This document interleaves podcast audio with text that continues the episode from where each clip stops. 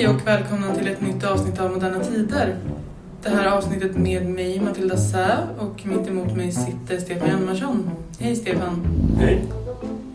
Hur är läget idag? Jo, det är bra. Det är eh, påsktider snart när vi spelar in det här. Och när det här avsnittet publiceras så har ju podden firat ett år. Ja, vad härligt. Eller ja, jag vet inte om det blir så mycket firande kanske. Hur känns det så här ett ett år år har in? gått i eten i alla fall. Blev podden vad du hoppades på? Det är ju så tidigt än så länge. Så att, eh, det har varit en del olika avsnitt om diverse ämnen och så. Så det är bara att gå in och lyssna om ni har missat tidigare. Vilket är ditt favoritavsnitt? Ja, det vet jag inte. Det ska vi inte, det kan jag inte säga dumt. Kanske någon blir ledsen. Hello. Vi ska prata om året 1848 idag. Ja. Och mer specifikt utgivningen av det kommunistiska manifestet av Karl Marx och Friedrich Engels. Mm. Vad kan vi säga eh, från början om, om året 1848 då? Det hände ju väldigt mycket det året. Ja, det gjorde ju det. Det var väl, man kan väl jämföra lite med andra så här kända årtal i historien. Typ eh, 1968, 1989, 2011, arabiska våren. Det var en våg av revolter runt om i Europa. Eh, mest kända kanske var det som hände i Paris och Frankrike. Där ju monarkin avskaffades och den andra republiken utropades. Dan- även Danmark ju, där eh, kungligt envälde avskaffades. Ja, precis. Ja, det var ju även i de Tys- Tyskland var ju inte ett enat land då. Men eh, det som är Tyskland idag skedde ju revolter i flera städer. Mm. Och eh, Österrike. Österrike och Ungern, eller Österrike var i alla fall, det heter inte Österrike och Ungern ändå. Allmänt var det ju mycket revolt mot liksom det, man tyckte en monarki som inte riktigt följde med i, i tidsutvecklingen. Nej, precis. Vad kan man säga var andan i Europa, så att säga? Ja, det var ju mycket det här att liksom det var en borgarklass som eh, växte och var bildad och eh, hade idéer men hade ganska begränsat politiskt inflytande än så länge. Kopplat till, blandat mycket med misär bland en växande arbetarklass också. Industrialiseringen pågick ju för fullt. Ja, man kan ju säga att industrialiseringen hade, hade ju börjat etablera sig ordentligt och blivit Mm. eh, det nya, det nya alltså sättet man levde på, så att säga. Mm. Ja, det, det, i Storbritannien hade det ju pågått ända sedan. Ja, i hundra år Ja, nästan kan man men säga. där hände ju inte, där skedde ju inte så mycket. Nej. Men eh, i Frankrike slutade det ju med att en backlash ändå kan man ju säga till slut för att man valde ju Napoleon den tredje då. Eller han hette ju så senare då när han blev kejsare. Och eh, till slut i presidentvalet. Det blev liksom en konflikt för liberaler och socialister bildade regering tillsammans. Och eh, sen blev det liksom ett eh, arbetaruppror på eh, framåt sommaren där och eh, splittring och sen när presidentvalet hölls i slutet på året så valde eh, de som fick rösta den här Bonaparte då. Som ju inte var kanske så jätteradikal. Eh, Nej, För att liksom, I städerna, framförallt Paris, så var man, det var där de radikala fanns. På landsbygden var kanske folk lite mer... eh, konservativa. Ja.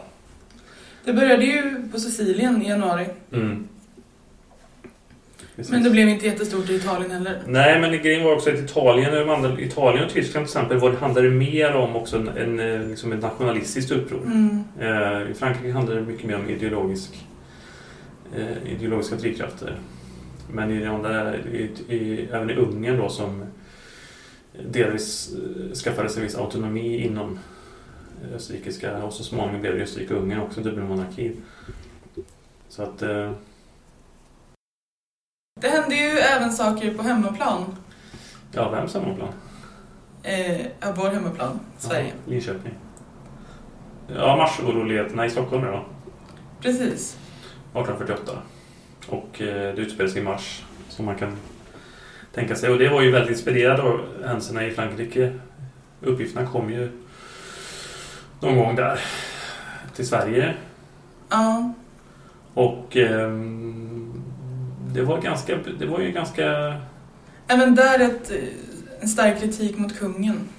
ja man ville ju, det fanns väl liksom ganska starka republikanska drag i det. Men det verkar ju varit ganska stökigt liksom. Det var inte Väldigt så starkt. organiserat. Jag vet inte Mm. riktigt vad det fanns för organisations... De kastade sten och det var... Det var lite upprors... Ja, de kastade ju på. Det var ju någon sån där bankett som eh, hölls. Som hade... Alltså väldigt upprorsstämning. Ja, På ett ganska ostrukturerat sätt. ja. Och kungen eh, satt ju på operan. Och lyssnade på Jenny Lind. Ja. Men han... Eh, Oscar den förste. Oscar den första var kung, ja. Ja. Precis. Han lämnade operan för att eh, själv gå och tala med upprorsmakarna. Ja. Och lovade då att alla skulle, som hade arresterats skulle släppas. Men det gjorde de inte. Nej, sen så ökade väl ändå... Det lugnade sig tillfälligt där, men sen under natten så fortsatte den här stenkastningen och man slog sönder butiker och grejer. Och då slog, tog, då slog eh, kungen till hårt mot hårt istället. Ja. Och eh, det blev eh, väldigt eh, brutalt. Hur kan man säga att Oscar den första var som kung? Ja, det... det var en bra fråga. Vi hade ju inte envälde som i Danmark till exempel. Nej. Det hade vi inte. Vi hade Skulle ju du säga att- 1809 års regeringsform. Skulle du säga att Oscar första var en eh, stark kung? Han var ju son till, eh, till Karl XIV Johan. Ja. Karl XIV Johan var ju en ganska person som var som balanserade ganska mycket mellan eh, Alltså 1809 års regeringsform hade ju gjort upp med liksom Gustavianska enväldet, eller det var ju inte ett envälde formellt, men det var ju det i praktiken så att säga. Ja, precis. Eh, där man så att säga skulle ha en maktdelning tydligt igen. Men eh, det var ju fortfarande kungen som skulle leda regeringen och så. Och Karl XIV Johan ledde väl ganska starkt. Ja, Sen eh, kom ju kungamakten att minska successivt under 1800-talet. Eh, Jag vet inte vilka maktambitioner Oscar den första hade. Jag är inte jättekunnig på hans regeringstid. han är, inte, han han är inte känd som en tyrann i alla fall. Nej. Men han var väl också kanske lite mer försvenskad eller? För hans far lärde sig ju aldrig tala svenska till exempel. Och så. Nej. Nej. Även om han regerade väldigt många år.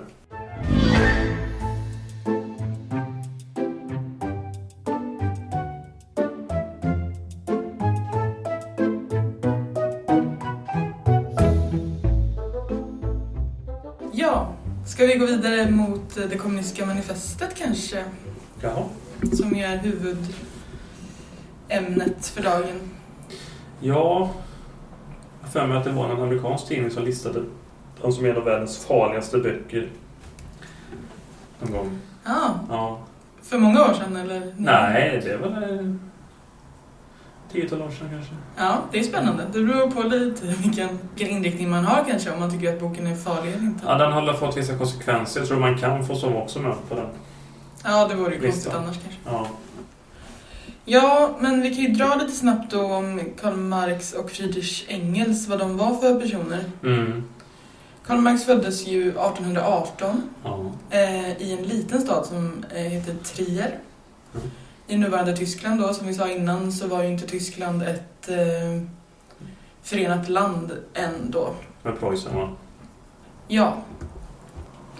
Hans pappa var jurist och eh, han läste även juridik själv. Men sen så, så började han plugga i Berlin och blev intresserad av filosofi istället. Mm. Och skrev en avhandling i filosofi. Så han kan ju räknas, alltså han räknas ju både som filosof och som sociolog. Mm.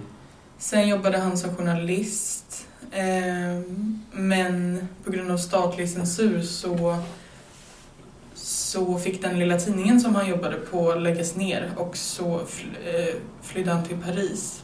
Mm. Och där träffade han då Friedrich Engels. Mm.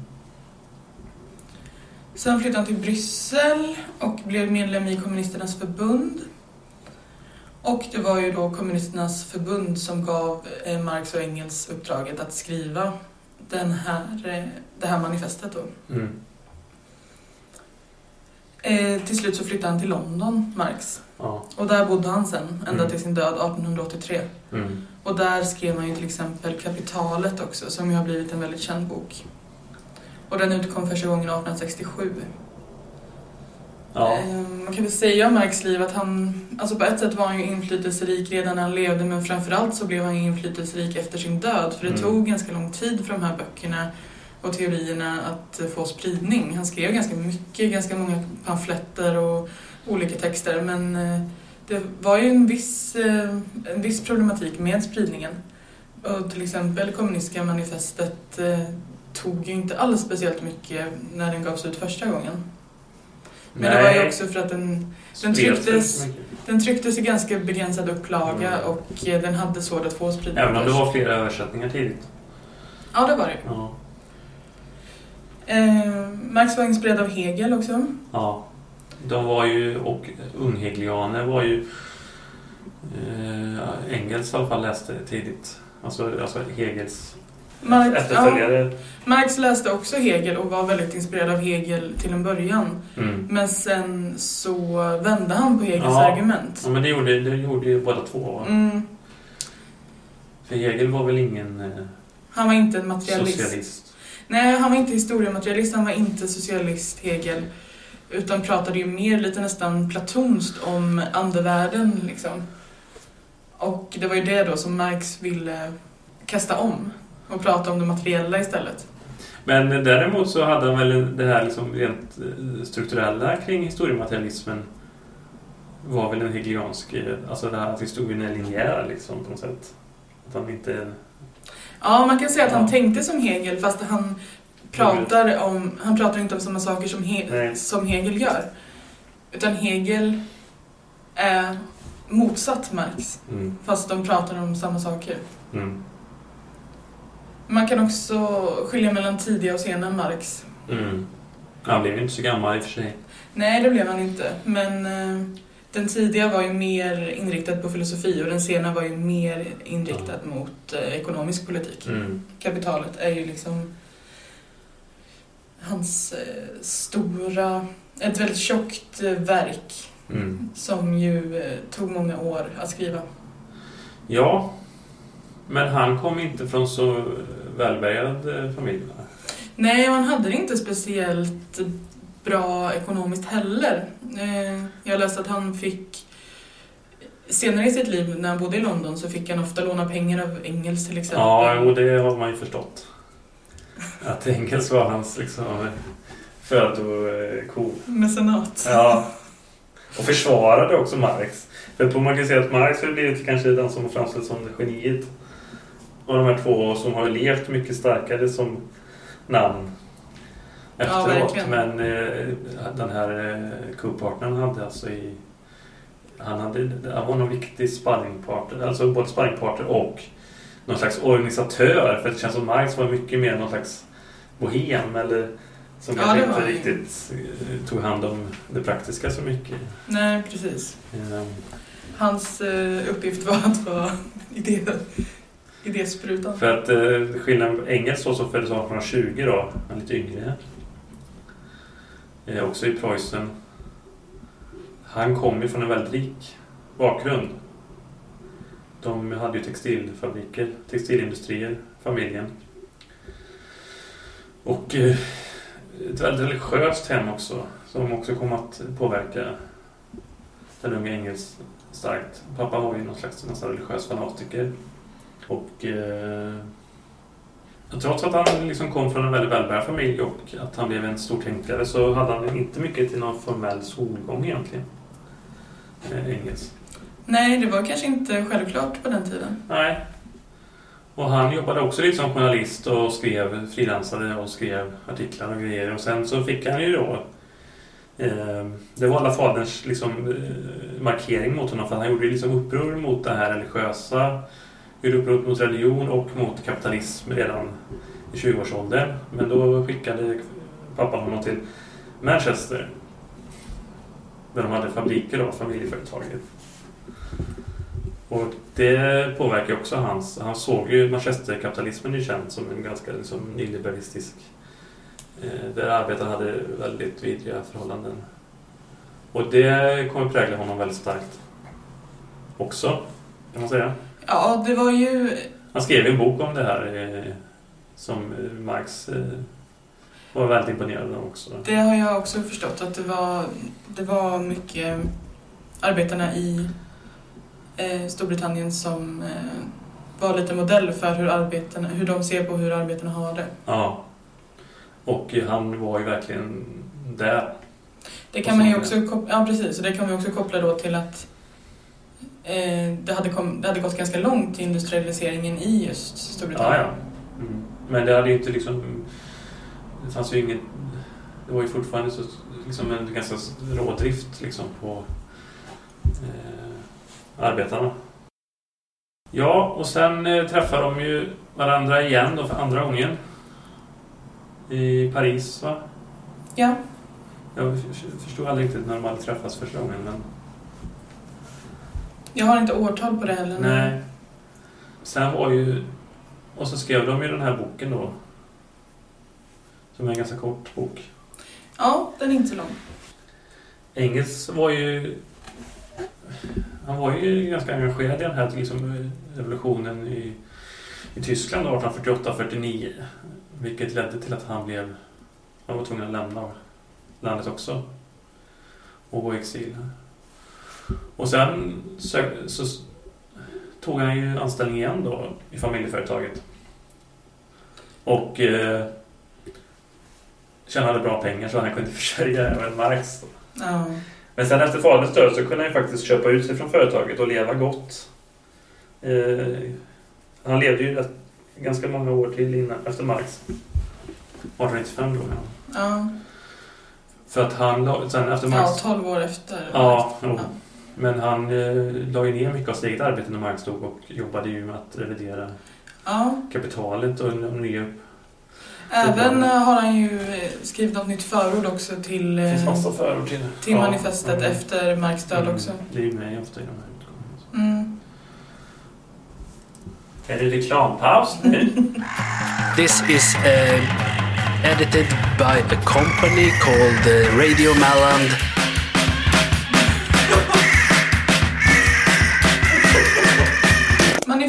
Då kom ju ut den 21 februari 1848. Mm. Och den var skriven på tyska. Mm. Består av fyra delar. Som då är eh, första kapitlet, eller delen kan man säga, är borgare och proletärer. Mm. Andra är proletärer och kommunister. Tredje socialistisk och kommunistisk litteratur. Och fjärde kommunisternas ställning till de olika oppositionella partierna. Vi har ju läst den här boken. Vad, vad säger du om den lite snabbt? Ja, den är ju ganska kort, vilket är ju bekvämt. Nej, jag skojar. Den är ganska konkret sådär. Den är liksom väldigt... Eh, den, har ju... den anses tydligen vara väldigt alltså, en skicklig prosa och sådär tydligen. Den har ju, sätt. Den har ju pamflettform. Ja. Den är väldigt eh, konkret, väldigt eh, ja. rakt på sak. Mm. Det får man säga. Och det var väl tanken då kanske? Det som var målet med boken var ju att ge arbetarna en vetenskaplig grund för sin politik. Mm. Boken är ju väldigt teoretisk på ett sätt och den kan ju framstå som att den är ganska otillgänglig mm. för de som är menade att läsa den. Ja. Och det kan, liksom, det kan kanske ligga en bit ifrån eh, hur arbetarna egentligen upplever sin vardag. Ja. Men samtidigt så menar väl på att det är något slags eh, eh, ofrånkomligt? Ja, det är ofrånkomligt och bokens uppgift är ju som sagt då att, så här, att de här proletärerna ska kunna, ska kunna ha en skrift där det står liksom vad är, eh, vad är problemet med, alltså vad är problemet med situationen helt enkelt. Mm. För att inom historiematerialismen och enligt Marx och Engels så är det ju väldigt problematiskt att eh, man delar upp, de delar upp världen egentligen i arbetare och borgare. Ja. Proletären och, pro, proletärer och eh, bourgeoisien. Ja, precis. Men det är ju historiematerialismen där ju, att, liksom att hela historien är präglad av klasskamp. Det är det enda som är Ja, viktigt. det är det som driver historien finns an- ja, men det finns ju Ja. andra Och så är det olika aktörer som står mot varandra. Det finns andra sociologer som pratar om klassbegreppet på ett annat sätt. Till exempel Weber pratar ju om eh, att klassbegreppet är större än att bara prata om vilka som äger kapital och vilka som inte gör det. Mm. Men Marx och Engels har ju ett, ganska, ett väldigt binärt system. Att det är två klasser som finns. Mm. Det är de som äger och det, det är de som arbetar för de som äger. Mm. Och det kan, man, kan ju tyckas vara ett snävt klassbegrepp. Ja, det är klart. Men det är ju liksom det, är det jag menar med att de, de definierar hela den historiska utvecklingen på det sättet. Att produktionsförhållandena avgör eh, vilka liksom, konflikter ett samhälle har. Det är något slags ständigt krig som pågår. Men det är väl också att produktionsutvecklingen i det industriella samhället har kommit så långt så att då är det slut på det här liksom klass... Alltså att det finns en förtryckare och en som är offer för förtryck. Att det är slut. Ja, det är slut för när, liksom, när de skapar det socialistiska samhället. Eller liksom, då har ju liksom arbetarna tagit Ja, makt. då är det slut. Ja, Men, det är inte tanken att de ska förtrycka någon ny grupp då. Utan då är, det var därför jag tänkte att det, det, det är nästan också ett begrepp om historiens slut. ja, du menar, ja, men bara så vi inte förvirrar människor här. Du pratar ju inte om hur läget var då, utan hur de vill att det ska vara. Ja, ja. ja. Jo, men det är ju det de menar. De menar ju på dels, det är klart att de så att säga, det är en politisk kampskrift, men de menar ju också på att historien är deterministisk. Det är liksom, det, alltså, produktionsförhållandena kommer ofrånkomligen skapa revolution. Ja, fast de menar ju också på att arbetare ska förena sig, som, Ja, som det ju står det. i slutet på boken. Ja. Så att de vill ju också påskynda det Ja. här, så att säga. Det är ju inte... Alltså på ett sätt så säger de ju att det här kommer komma av sig självt, för att det här systemet krackelerar. Ja. Och det kommer till slut att, att äta upp sig självt eller förgöra sig självt. Mm. Men de manar ju också till arbetare att de ska organisera sig och att de ska störta borgarklassen med våld. Så att det, det är ju två linjer där på samma gång så att säga. Ja, precis. Men de menar väl också på att eh, det finns ett värde i att de produktionsförhållanden som råder i ett samhälle påverkar också tänkandet hos individer. Eh, Ja precis, och det är ju därför de skriver den här skriften då. ja. För att de ska få eh, arbetarklassen att börja tänka Ja. vad, vad är det som egentligen är fel? Mm. Eh, varför känner jag mig alienerad? Mm. Varför, eh, varför arbetar jag och sliter ut min kropp men får inga pengar för det? Mm. Det handlar ju inte så mycket heller om, om, men om status och utbildning eller inkomst heller egentligen. Utan nej, det är rent material. det, är, det är rent så relationen till produktionsmedlen. Antingen så äger du produktionsmedel eller så äger du inte produktionsmedel. Nej, och huvudsaken eh, saken är väl att också att liksom privat ägande och privat egendom ska egentligen försvinna då. För att arbetarna säljer ju sig själva. Alltså, Ja. de säljer sig själva som arbetskraft på samma sätt som man säljer saker. Mm. Och det gillar de inte. Nej. Men det är mycket det här att, liksom, på, ändå att staten ska vara någon slags... Den som ska liksom ta över allting. Ja. Ja. Fast i, förlängning, i ja. förläng, förlängningen så är det väl så att man ska liksom då...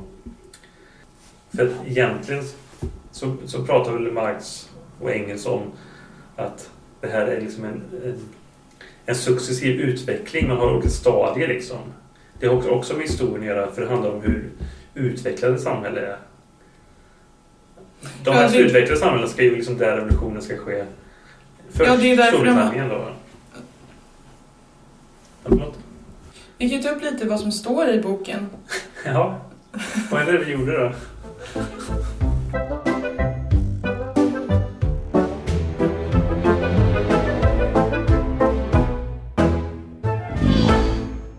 De vill ju att klassamhället ska störtas då med... eh, De har ju faktiskt några punkter. Mm. Och vill ju även addera våld då till de här punkterna. Ja, det är ju uppenbart att det är en våldsam revolution. Ja, Det är ju inte liksom... Man rättfärdigar våld. man kan säga att det är nästan den enda inriktningen som förespråkar våld på det sättet om man ser eh, ur en mer eh, ur ett sociologiskt perspektiv Mm. eh, olika inriktningar. Då pratar jag inte om till exempel då nazismen eller alltså, Mm. Ehm, de är ändå få, en, några av få som faktiskt förespråkar våld. Ja. Men då vill de ju till exempel eh, att arvsrätten ska avskaffas. Eh, kreditens centralisering i statens händer genom en nationalbank. Som också ska ha monopol. Mm. En förening av jordbruks och industriverksamheten. För att efterhand avlägsna skillnaderna mellan stad och land. Så det pratar de ju också om. Eh, pratar också lite om, vi ska gå in på familjen, alltså en offentlig och kostnadsfri uppfostran av alla barn. Mm. Avskaffande av barnens fabriksarbete i dess nuvarande form. Mm. Och uppfostransförening med den materiella produktionen och så vidare. Familjens angelägenhet är ju intressant. Mm. Och det har väl också alltid varit en politisk tvistefråga huruvida familjen ska hållas helt privat eller inte. Ja, den har väl allt, ofta sett som den viktigaste enheten så att säga i, i samhället. Det är där som vi så att säga har vår välfärd kan man säga. Både emotionellt och materialistiskt också då. Innanför väl, alltså det här välfärdssamhället som vi skapat till exempel i, i Sverige eller de nordiska länderna och så vidare. De, det är ju ett väldigt modernt en väldigt modern sak. Ja, så är det ju. Men vad tycker Marx och Engels då? Ja, de tycker till exempel offentlig och kostnadsfri uppfostran av alla barn. Mm. Det låter ju lite... Ja, det gillar både möjligtvis i tiden är det väl progressivt men det är också, det låter ju ganska... Det låter ju lite auktoritärt också. Ja, jag, Jag, tänker vet så inte. lite Hitlerjugend-aktigt sådär. Men jag vet inte heller om Uppfo- de... Det står inte skolor, det står uppfostran va? Ja, precis. Ja. Men jag tänker om man kanske kan översätta det lite till eh, skola. Ja, visst skolan har vi kanske också... Jag vet inte hur man liksom sett på det, hur mycket liksom skolan ska vara uppfostrande. Idag så pratar man ju mycket om att liksom vem har störst ansvar och sådär. Och att det liksom... Jag vet inte liksom skolan... Ja, men jag ty- Föräldrarna tänk- hade väl ändå huvudansvaret antar tänker jag. till, till exempel skolaga och sånt. Det är Ja, väldigt ja. Men uppfostrande. det, samtidigt avskaffade man ju det långt tidigare man- innan man avskaffade aga. Hemma, ja. Ja, ja. Men eh, också att man hade...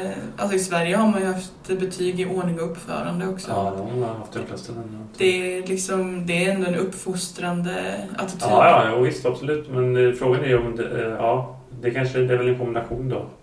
Samtidigt kan man ju säga så att det har väl i sig lite med eh, social bakgrund också att göra för att det känns ju inte som att i de rika familjerna så hade man ju väl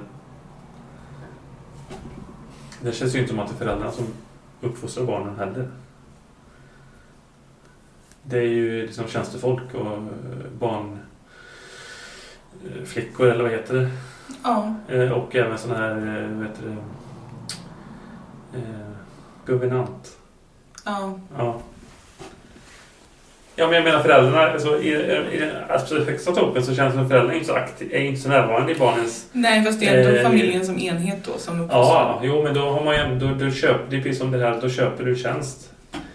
Mm. Att säga, som eh, En hjälper dig med det. Som en proletär erbjuder. Ja. Men man kan ju säga samtidigt, där vi pratar om skolan och, och svenska folkskolereformen, det var ju nästan samma 1842, det är alltså lite innan.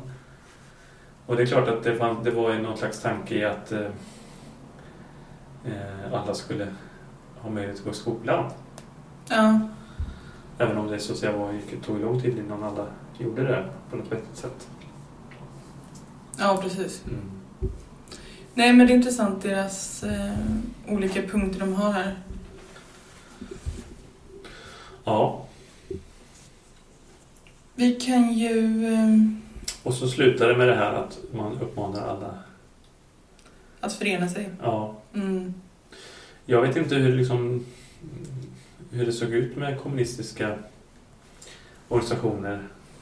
Nej, det var ju kommunisternas förbund som Ja. var ett internationellt förbund Ja. som gav dem uppdraget att skriva boken. För sen hade ju de här socialistinternationalerna in, äh, senare, som Marx och Engels var väl väldigt aktiva i de första i alla fall, så länge de var i livet. Eh, där, det är ju också någon slags kongress eller något för internationellt för hela världen. För man kan ju säga att den socialistiska rörelsen är ju både den kommunistiska och det som senare också blir en mer reformistisk rörelse. Ja, jag tänker också eh, till exempel på Joe Hill. Ja. Eh, att det har ju varit en väldigt internationell, alltså man har haft ett väldigt internationellt perspektiv hela tiden Ja, ja. inom rörelsen. Ja. ja, i alla fall så att säga fram till eh, Stalin i princip. Ja, Mm. så det är väl eh, det är väl intressant också då att man eh, att man inte vill, alltså man vill att det ska vara en, en världsomfattande Mm. organisation. Mm. Men det är också, splittringen kommer ju där i den, de här internationalen. International, socialistinternationalernas sen. För kommunisterna tar ju över. Och sen Sovjet så är det Komintern kallas det där sen. Som är också en internationell sammanslutning av kommunistiska partier och där för du vet även i Sverige så kommer ju vänstern splittras. Och då är det en som är liksom den erkända gruppen av Komintern. Det var alltså jättelånga namn då. Alltså. Sveriges kommunistiska parti av Komintern, bla bla bla. Ja, man har ju ja. pratat om det, liksom vänsterns koppling till Moskva och Ja, vi kan ju prata om det. ehm, För i många länder så skedde just den här splittringen och det skedde ju även i Sverige. 1917 Ja, var det partisplittring. och då kan man säga att kommunisterna var ju, eh, precis som vi pratade om, det här med revolution och liksom väldigt våldsamt.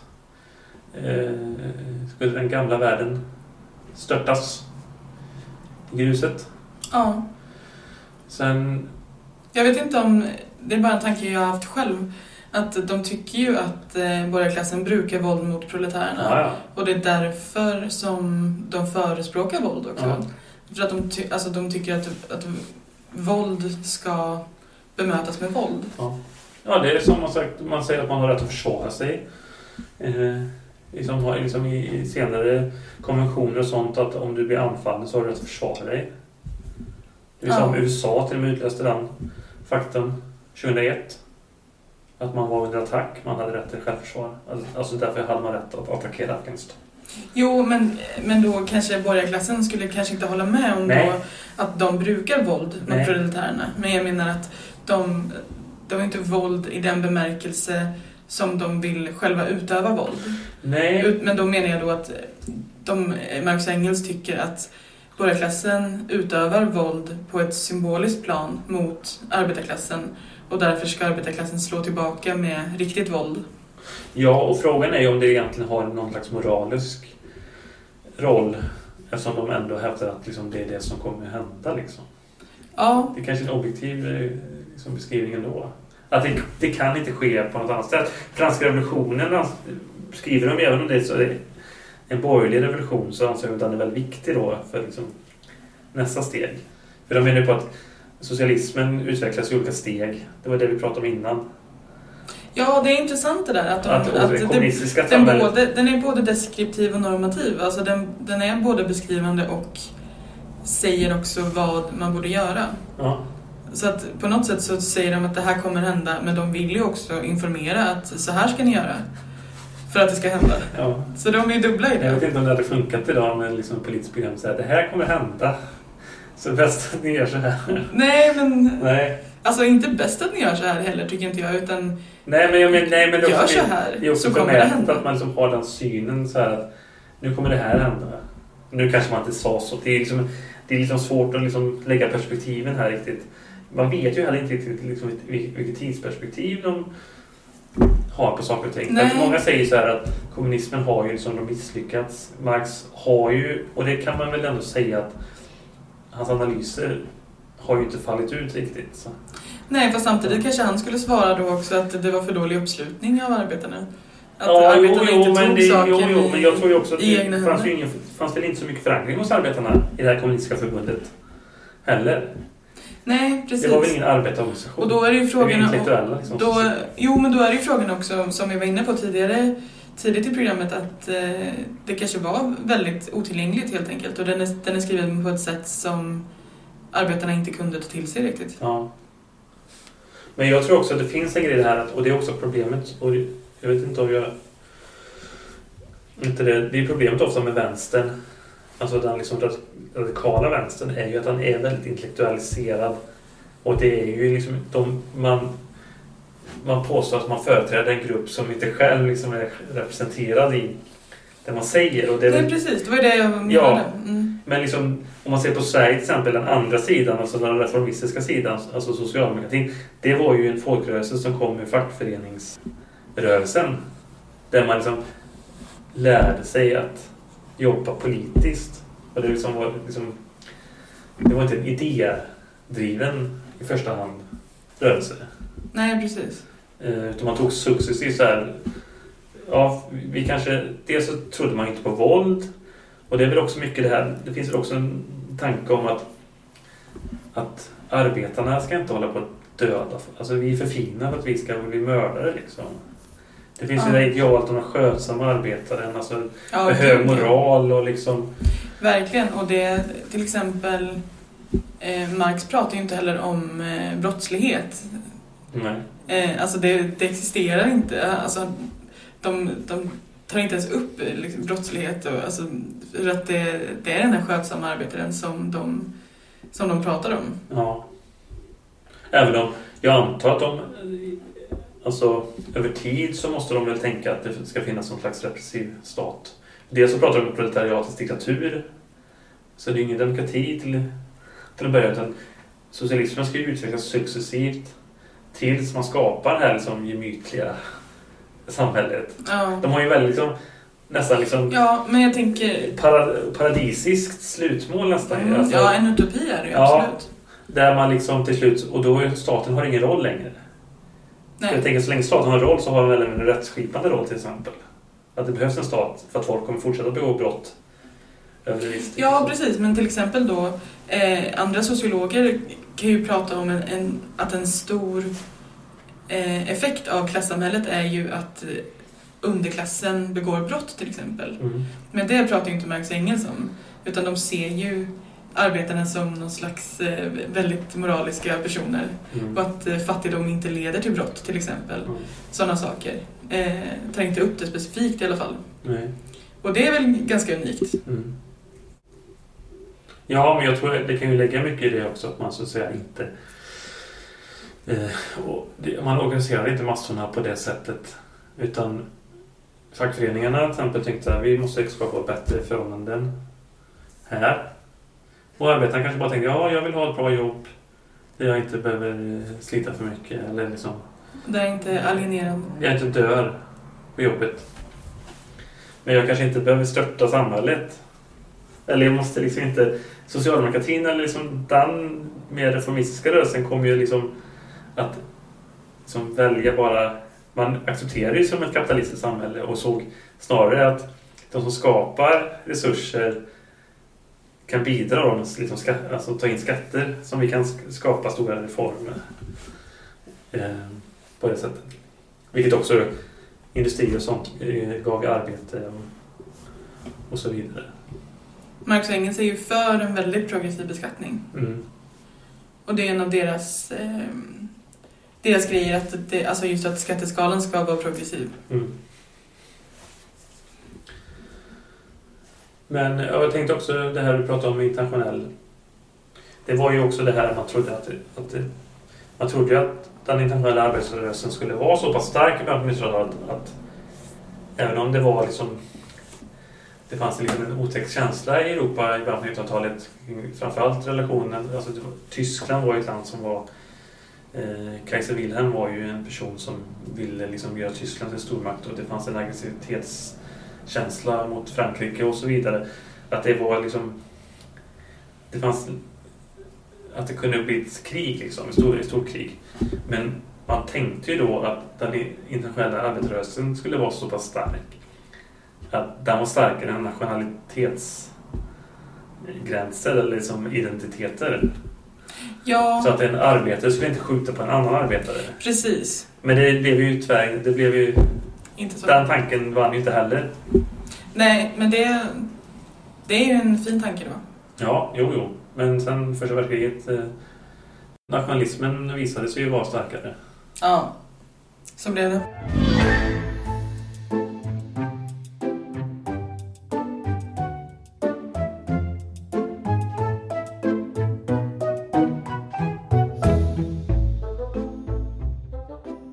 Det var ju de som ändå gjorde revolution.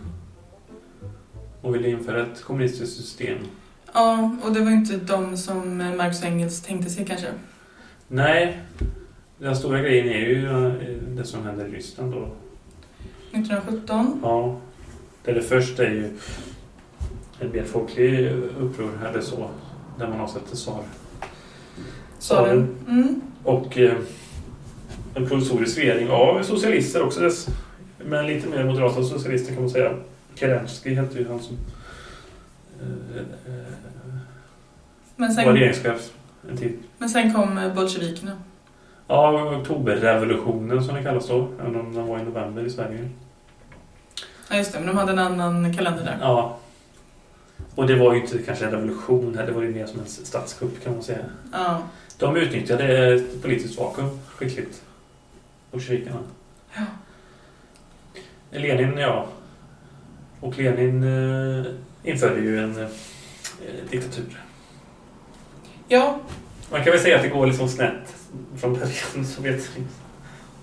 men det kommunistiska manifestet har ju varit en stark eh, Ja, ja. skrift Ja, ja. I, Och det, i eh, Sovjet. och jag tänker mycket på de här paraderna och sånt. Sovjetunionen, då var det liksom det här liksom porträtt, Marx och Engels och sånt ihop med de andra. Liksom, Jag såg det fanns ett frimärke när det var hundra år sedan eh, ja, manifestet skrevs så tryckte de upp frimärken i Sovjet. Ja. i Sovjet. Ja. Men eh, som du sa där att Lenin hade väl i sig sin egen, Agenda. ja men också sin egen ideologi delvis. Den var kanske lite modifierad från, eh, för han, Ryssland var ju inte ett speciellt utvecklat land. Nej, precis. Och Och det var... Det blev ju inte riktigt... Nu var ju båda döda när... ja, ja. Eh, både Marx och Engels var ju döda när det här hände, men Mm. de hade förmodligen inte tyckt att det var riktigt så som det skulle gå till. Nej, det är svårt att säga. Eftersom, framförallt ju såklart eftersom att det inte blev en demokratisk... Nej, men jag vet inte om de var några demokrater i och för sig. Bolsjevikerna skulle hävda att de kanske var ett under... De var ju så att säga... Det är ju liksom ett speciellt system eftersom att det var liksom en, i princip nästan en enväldig kung. Även om så att säga duman hade införts 1905 och sådär så hade tsaren en stark makt. Eh, så att rent liksom rent eh, demokratiskt var ju Ryssland underutvecklat redan tidigare. Fast det var inte arbetare som gick samman för att störta borgarklassen på det Nej, nej, sättet. som- nej, det var ju en förgrupp. Ja, jo. Ja. Ja. Jag vill bara inte att man sitta här och romantisera för mycket. Nej, jag romantiserar inte. Jag menar bara att eh, jag tror inte att Marx och Engels hade tyckt att det var det bästa landet att det skulle Nej. bli den här typen av revolution. Men det är det jag menar också att de hade, de hade, ju, de hade ju fel. Och det kanske, då kan de ju hävda att de starkare klasserna tryckte ner. Och på det sättet kanske skriften var dum att skriva. På vilket sätt hade de fel menar du? Ja, för att det, det blev ingen revolution i Storbritannien. Nej, precis. Nej. Men eh, de kanske, vi pratade ju om det tidigare med årtal och så. De kanske menar att revolutionen kommer. Ja, det är ju de som hävdar så. 2050. Jag vet, jag så, så en inter- intervju med Sven Wollter en gång och, som frågade att du är fortfarande Ja. kommunist. Han var ärrare. Ja, han var ju kommunist hela livet. Eller ja. Men då sa han... "Men Det det har gått 150 år! Det är ingenting! Typ. Ja. Men eh, man kan säga att Sovjetunionen, eh, och det har vi pratat om i ett annat avsnitt när vi pratade om eh, folkmord och sånt ur ett kommunistiskt Just det. perspektiv. Att, eh, Då var inte jag med. nej, men eh, man kan lyssna även på de avsnitt som inte du är med. Om man vill. Bara skulle ge full... Eh... Vi kan ha en egen feed. för dem. Eh, Vem var det du pratade med då? Det var mer det jag var inne på. eh, Claes-Göran Karlsson. Mm.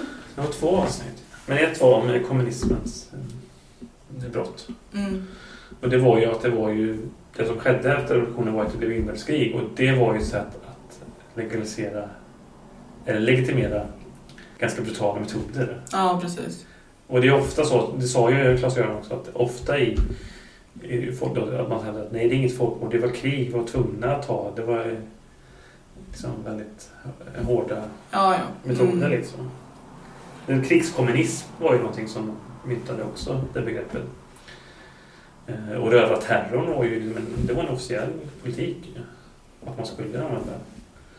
Och tyvärr så kan man ju säga, och det kan man ju också komma in på en mer filosofisk fråga, det här med vem, vem som vem driver stor, är det aktörer eller liksom strukturer?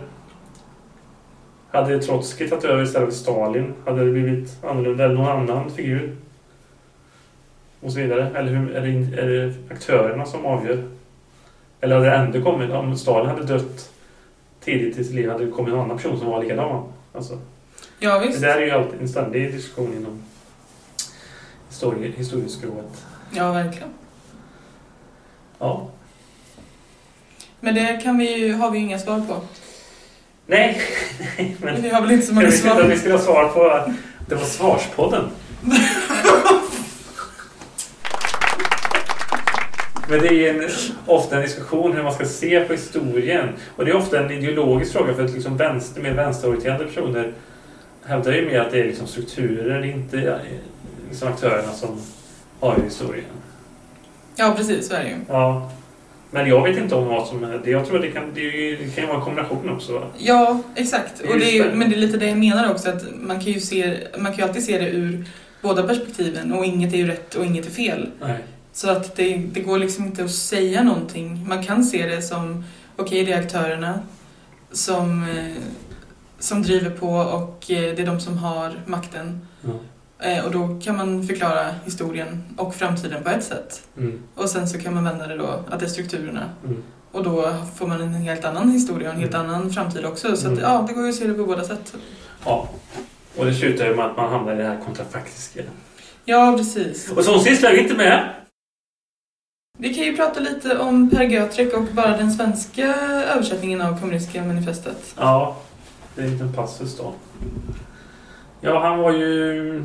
Han gjorde ju en väldigt tidig översättning. Eller man vet inte om det var han. Man vet faktiskt inte vem som översatte den första. Nej, för till exempel i, i efterordet i kommunistiska manifestet så pratas det ju om till exempel översättning till danska Ja, vet, och förord och, till eh, och olika till, översättningar. i andra språk. Ja. Men svenska nämns ju inte. Nej. Och den här verkar ju inte varit så spridd heller, eller? Nej, För, men jag har fattat som att det var 1848 redan, eller? Det var samma år. ja så kanske det var. Tidigt i Eh, alla fall. Ja. Och han var med i något sällskap som eh, ansågs vara lite radikala. Han var ju från Linköping. Ja, det är viktigt. Det är viktigt ja. Eh, Lokal koppling. men det var en liksom, lite radikal rörelse som ändå kungen eh, tillät. Ja. Men han var ju religiös Mm. och såg väl snarare marxismen som något liksom av Gud givet. Ja, Eller Marx idé. Marxism fanns väl inte som begrepp då. Det kom väl slut på 1800-talet någon gång. Men det är en intressant koppling. Ja. Men han tog... eller, han var ju bokhandlare och förläggare tror jag. Så att han, man tror ju också att han som gav ut boken och eventuellt den. ja, precis. Att han gav ut den själv ja, på liksom eget litet Men förlag. översättningen var lite speciell tydligen också. Att han var ganska nedtonad. Den var inte så radikal. Och varför vet man inte riktigt om det var för att man inte kanske trodde på eh, att på den, att han, på den så radikala linjen eller för att man så att säga försökte undkomma myndigheternas eh, att man skulle ingripa mot den utgivningen. Nej, precis. För att det var ju även så under de här marskravallerna så gjorde man någon typ av... Eh, han blev ju intagen till förhör. Ja, det blev han, men han blev ju släppt. Mm. Det är intressant det här med att han var religiös också, för att det... Eh, han, till exempel så översatte han då proletärer i alla länder, föreningar översatte han till Folkets röst är Guds röst. Så han vill ju koppla in Gud. Ja, just det. Var det sista där han gjorde det? Ja, Det var inte första. Nej, det var sista. Nej, det var den första. 1848.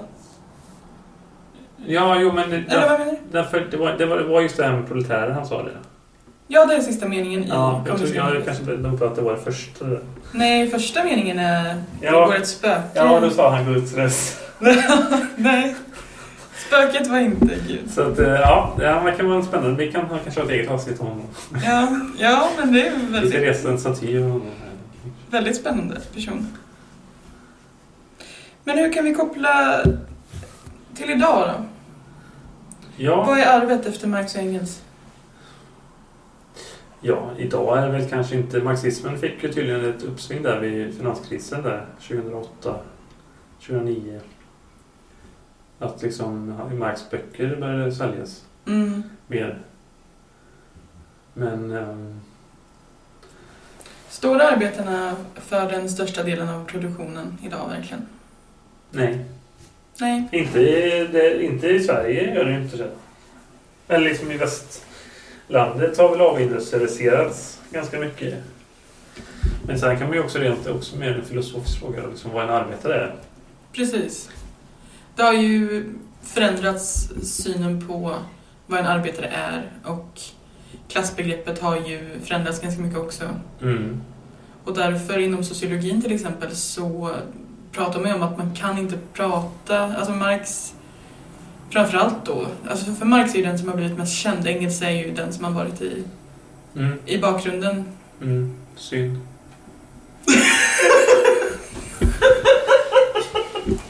Arvet efter Marx är ju såklart, alltså det är viktigt att prata om Marx idéer och det är viktigt att ta upp honom som en av de främsta inom sociologin Mm. Men man kan inte riktigt översätta, översätta det till idag, alltså till exempel hans klassbegrepp och sådana saker. Det går inte riktigt att, att prata om idag på det sättet som eh, ja. det gick att göra då. Nej, och- det är väl det som är grejen. Arbetarklassen har, ser sig inte kanske som en enhet på det sättet. Nej, och det finns fler parametrar att ta in också, anser väldigt många. Mm. Att det inte bara är det här proletärer mot bourgeoisien, utan det, det finns Även många om- fler lager. Ja, jo, men även om man rent strukturellt så kanske man fortfarande kan säga så att det är liksom löntagare och arbetsägare så att säga. Jo, fast väldigt många idag pratar om att det är en mycket mer komplex bild. Eh, ja, de jo, olika klasserna. jo, jo, absolut. Rent liksom, men liksom, maktförhållanden är ju lika samma egentligen. Alltså det, du har ju löntagare, och, alltså de som säljer ett arbete och de som köper. Sen om folk tjänar mycket eller lite, det är ju en annan sak egentligen. Även om det säkert har ju påverkat så säga kanske viljan till eh, revolution så att säga också. Ja, visst är det så, men man kan ju ändå prata om idag att, att alltså hur samhället såg ut 1848, det skiljer sig väldigt mycket idag. Alltså man har, Ja, ja. man har en helt annan typ av kanske medbestämmande på, arbetar, alltså på arbetsplatser och eh, det finns fackföreningar Ja. och så vidare. Så att det ser inte likadant ut. Och det finns inte de här, speciellt då som du sa i västvärlden, de här stora industrierna där det bara eh, flödar av eh, alltså jättemånga arbetare och så finns det en stor eh, kapitalist som, eh, som äger det här. Liksom. Nej, men däremot har du ju liksom... Du har det här med, man pratar om gigekonomi. Där liksom... Eh, Ja, man är globaliseringen mer är ju... utsatt och det är liksom, man har inte fasta anställningar och man... Nej, precis. Och det är ju det är något som eh, kallas för prekariatet som Mm. finns idag. Som har blivit en väldigt... Det är en globaliser... Alltså en effekt av globaliseringen kan man ju säga. Ja. Och det, man kan ju prata om det idag, att det är en ny typ av arbetarklass. De som inte får fasta anställningar, de som tvingas flytta dit jobben finns. Och... Eh, ja, du har ju de här som eh, åker ut på Dora och sånt där. ja, precis. De är inte organiserade, eller de kanske är det nu, jag vet inte. Men de var ju inte det. Det håller väl på att hända lite kanske. Men det, det är en ny samhällsklass som man pratar om. Eller ny och ny. Men eh, man har börjat prata om den de senaste åren. Mm. Precis. Som kanske går att jämföra lite då. Ja, absolut. Och det, saker tar väl nya skepnader. Sen kan man tycka då att kanske världen har blivit bättre eller världen har blivit sämre. Det är ju också en lång diskussion. Men det är klart att rent materiellt har väl de, de flesta i, alla i, i världen fått det bättre sedan mitten på 1800-talet. Men eh, Ja, det får man ju säga. sen kan man ju fundera på klyftor och sånt där. Det är liksom en ganska komplex diskussion. Ja. Men den kanske vi inte ska gå in Nej! på nu. Då Ja. känner vi oss klara kanske? Ja. Då får jag tacka så mycket för att jag fick vara med i det här avsnittet. ja, tack så mycket för att jag fick vara med. Vi hörs nästa gång. Ja, ha det bra. Hej då! Hej då!